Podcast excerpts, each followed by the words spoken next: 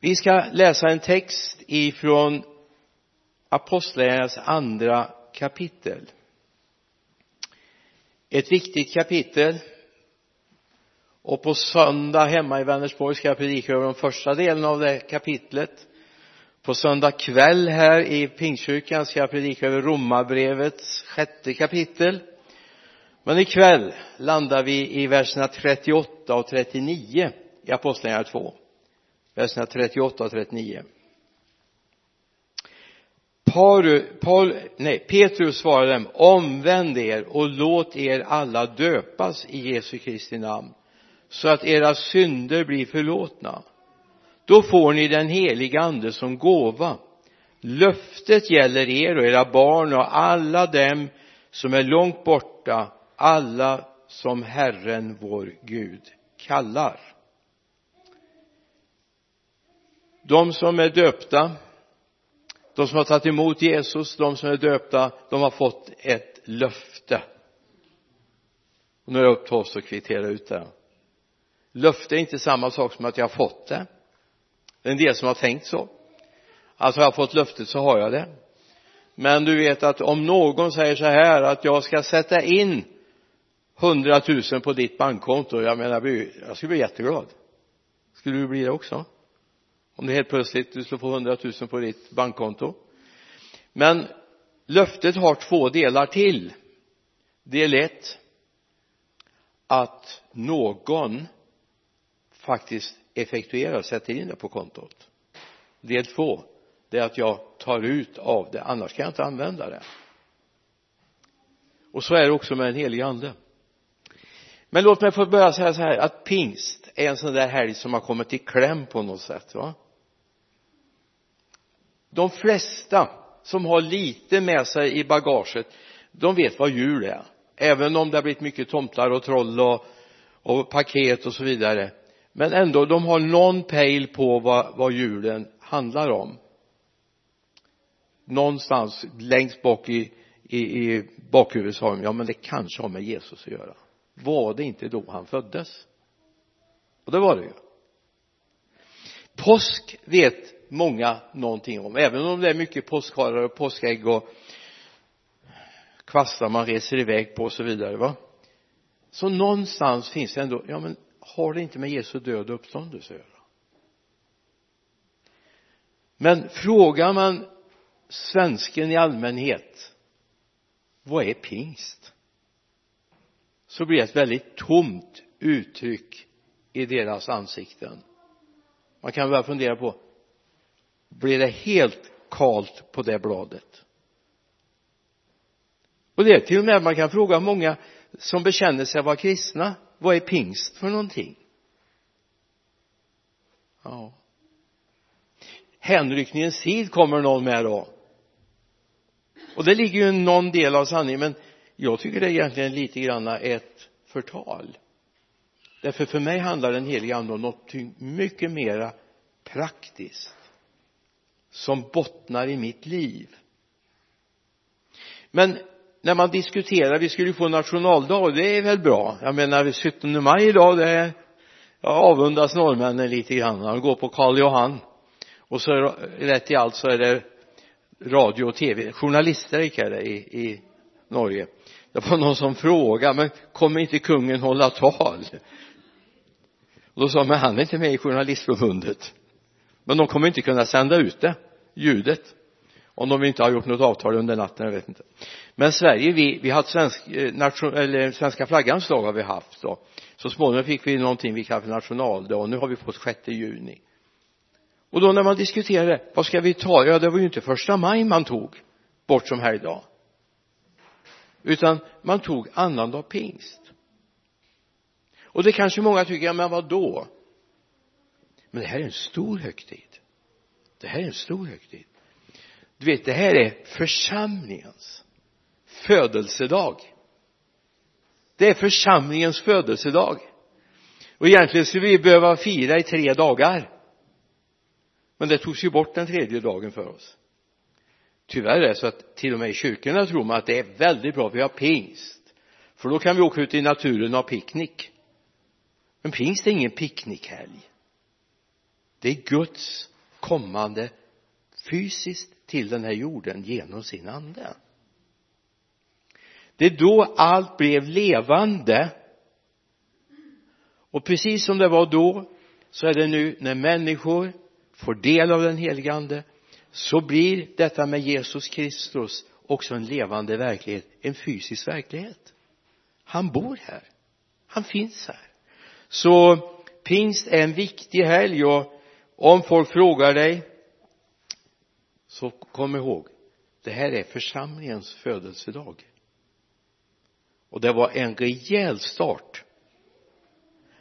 Jag vet inte hur många procent, jag menar man diskuterar med Pomperipossa det här, hur många procent finns det egentligen? När eh, Astrid Lindgren höll på att räkna på, på antal procent så upptäckte hon att en del de skattade över 100 procent. Det betyder att man skattade alltså mer än vad man fick in.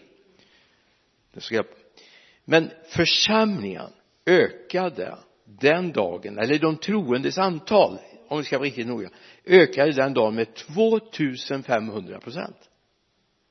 Wow! 2000 alltså en sån församlingstillväxt vet ni. Då blir man sliten som pastor men jag tog det gärna. Jag älskar det. 2500 man var en skara på 120 de här 120 blev dagen efter kunde man räkna in 3120 församlingar och kommer vi bara något kapitel fram så passerar man 5000 gränsen och så fortsätter det öka dag för dag för alla de som blir frälsta va? det kallar jag församlingstillväxt det är också så här för att vi ska få med oss det det är ju liksom tre dagar fram nu till, till pingst. Och vi ska ju mötas på pingstdagen också men då ska vi titta på en annan viktig del som händer i den enskilda människans liv. Romarbrevet kapitel 6 verserna 3 och 4 du behöver inte slå upp det just nu. Då är det en del som tänker så här ja men det här var första pingstdagen har jag hört en del säga det som hände i Jerusalem år 33 någonting. Det här var första pingstdagen men det är inte sant utan det står att när pingstdagen kom var de alla samlade. Det står alltså i första versen i apostlagärningarna 2 det var då de plötsligt hörde. Pingstdagen det står bara två gånger det ordet i, i bibeln. Men det står i gamla testamentet så står det som veckohögtiden det står som skördehögtiden. Och man hade alltså i många år hållit på och firat det här som första skördehögtiden. När man hade varit ute på fältet och plockat in den första skörden den första kärven det första från fruktträden och så gick man till templet och så tackade man skapelsens Gud för att han på nytt gav liv åt den här marken. Så att visst finns det en timing i varför kommer pingstdagen när den kommer. Namnet pingst alltså Pentecostal, femtionde dagen det är alltså någonting som kom senare då. Utan det är skördetiden. jag menar du skulle också springa och jubla och vara glad för det om du hade en sån skörd va? Alltså du sätter ett korn och så kommer det upp 3000 ur det va? Du skulle göra vågen och du skulle bli glad och inte en granne skulle missa att du har fått en jätteskörd. Du satte en potatis och så växer hela landet fast du inte har satt några. Visst skulle du tycka wow vilken Gud vi har. Som har skapat livet på det sättet. Det är precis det som händer på pingstdagen det som var planterat. Det som var sått. Det fick liv. Och det gav frukt. Så det här är pingstdagen.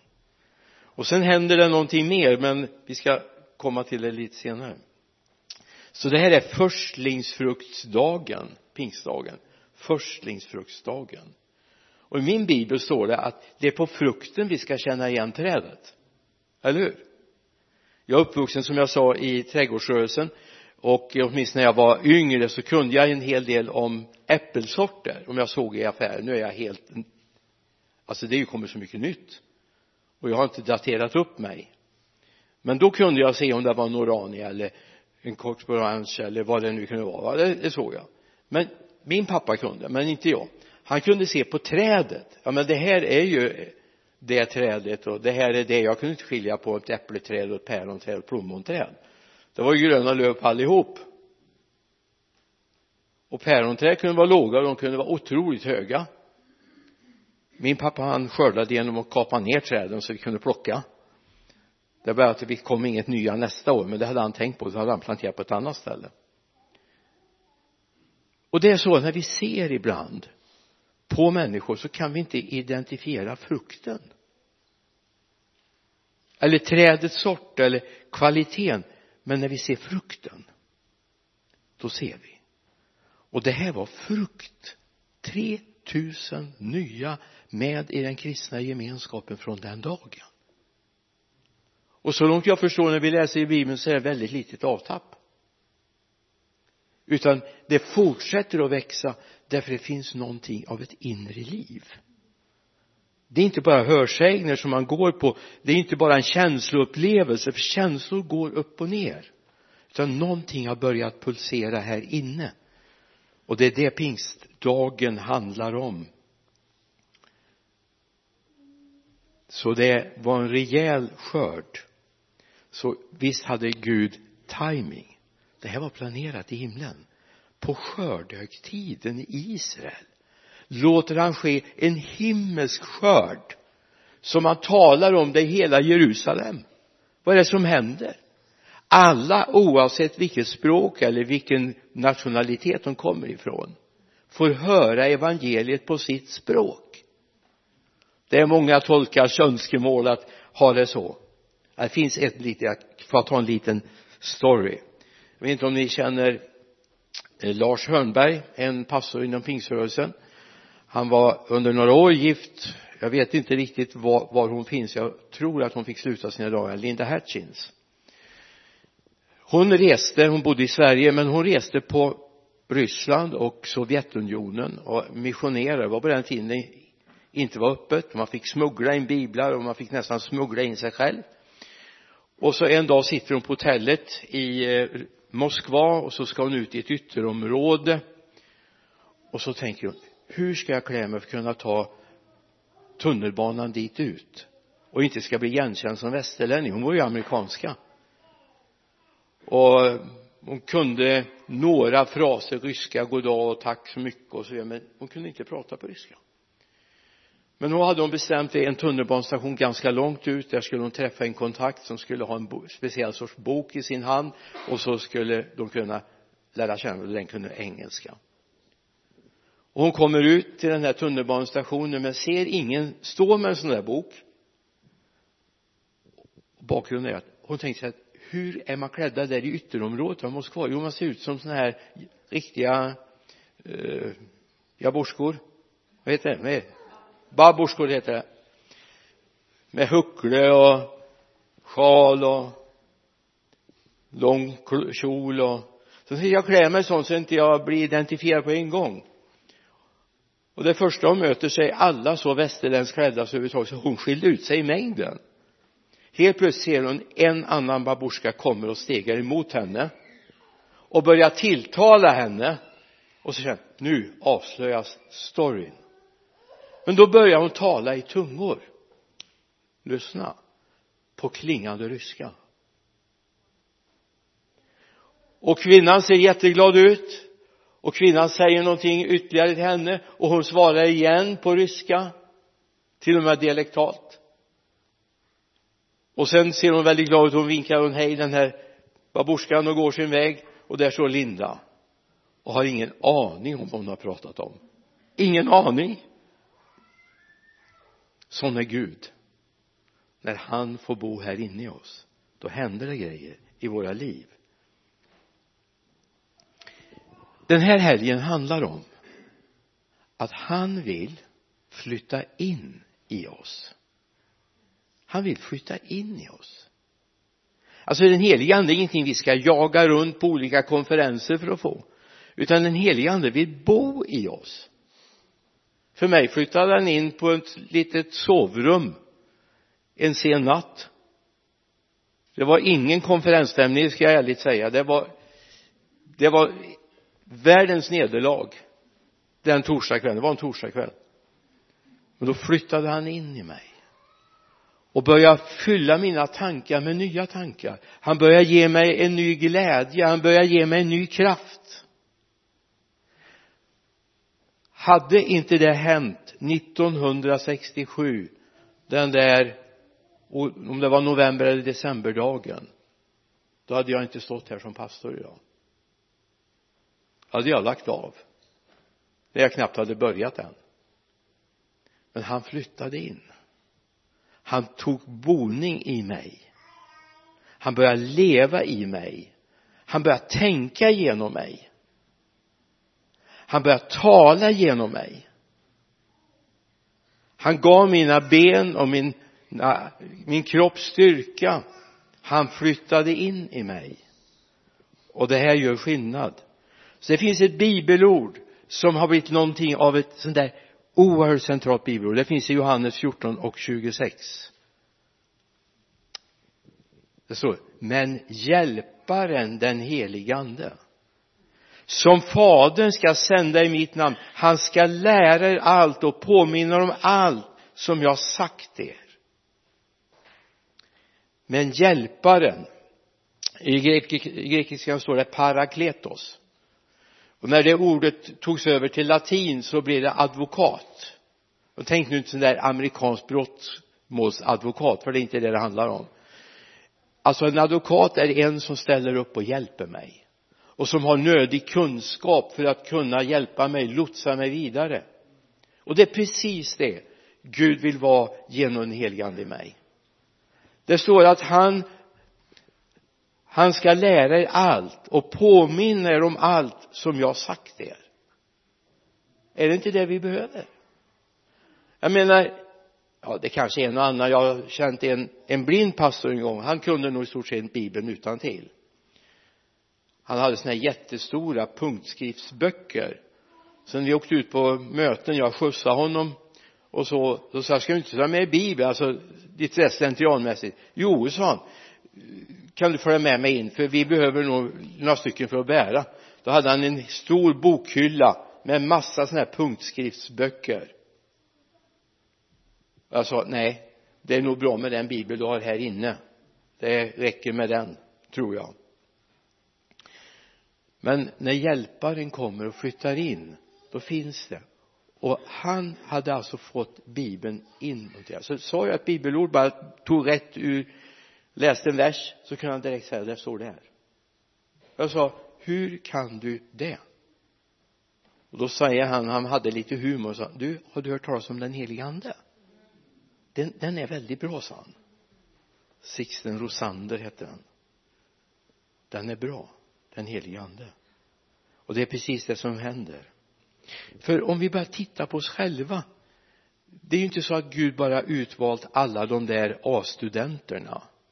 Alla de där som har toppbetyg från högskolan.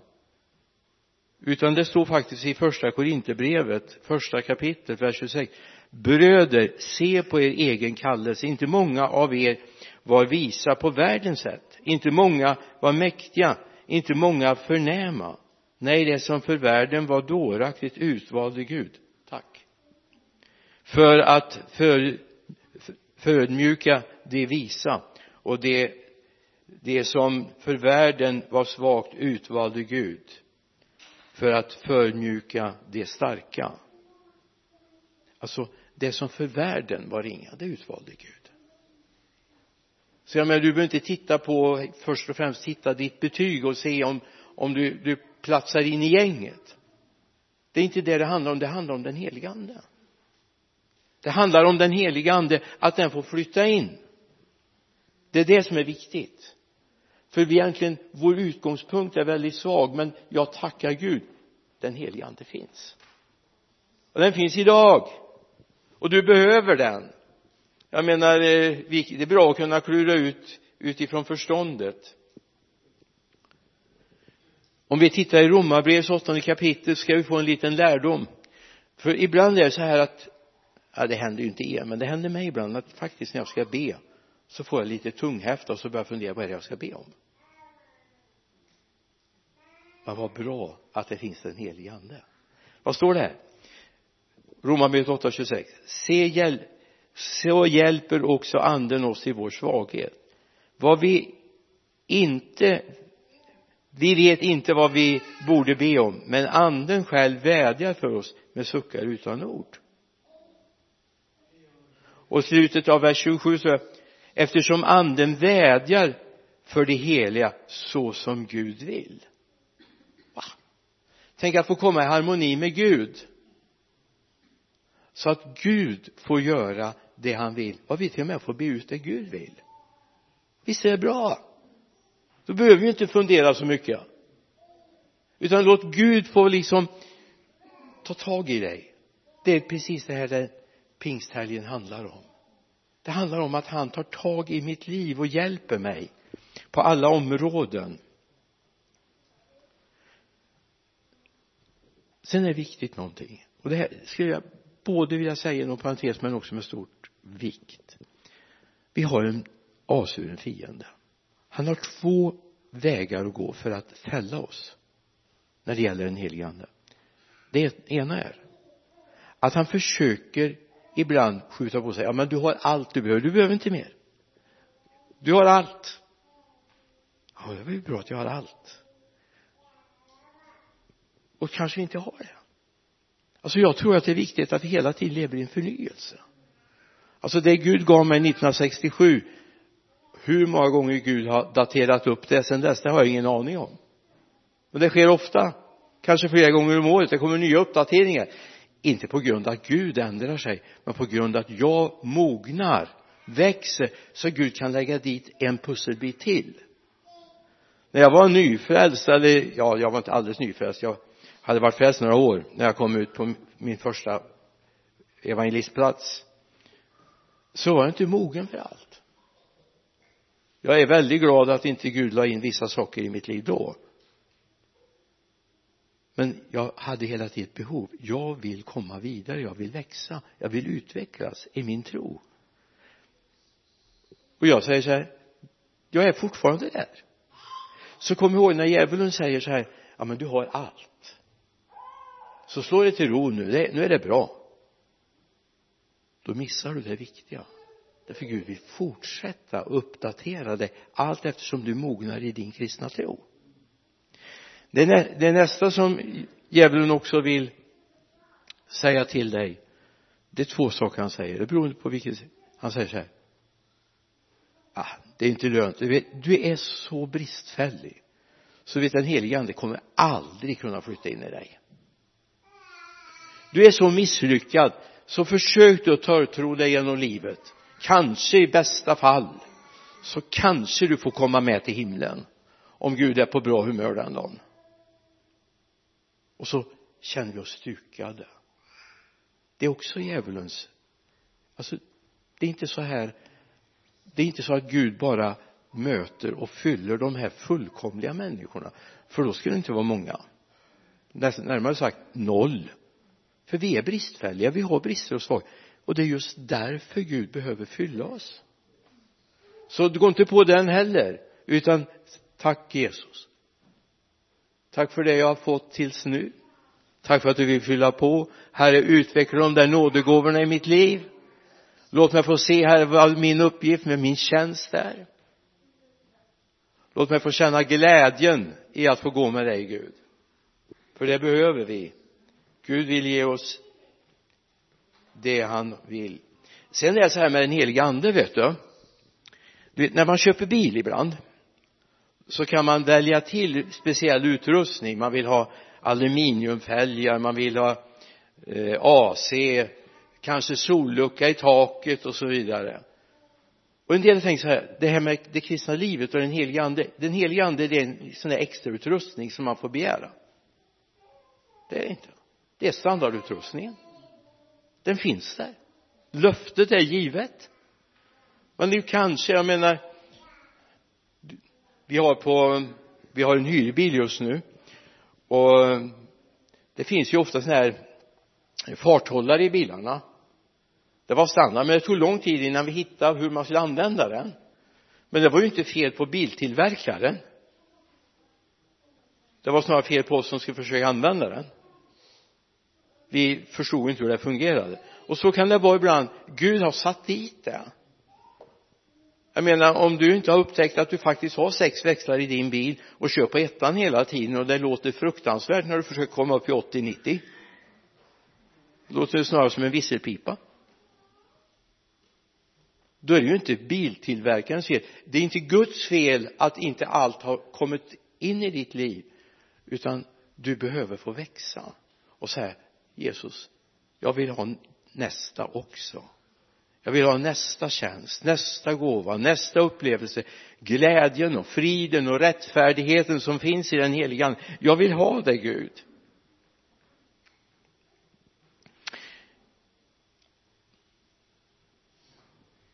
Så den heliga anden när den flyttar in i dig och mig så ger han dig rättfärdighet.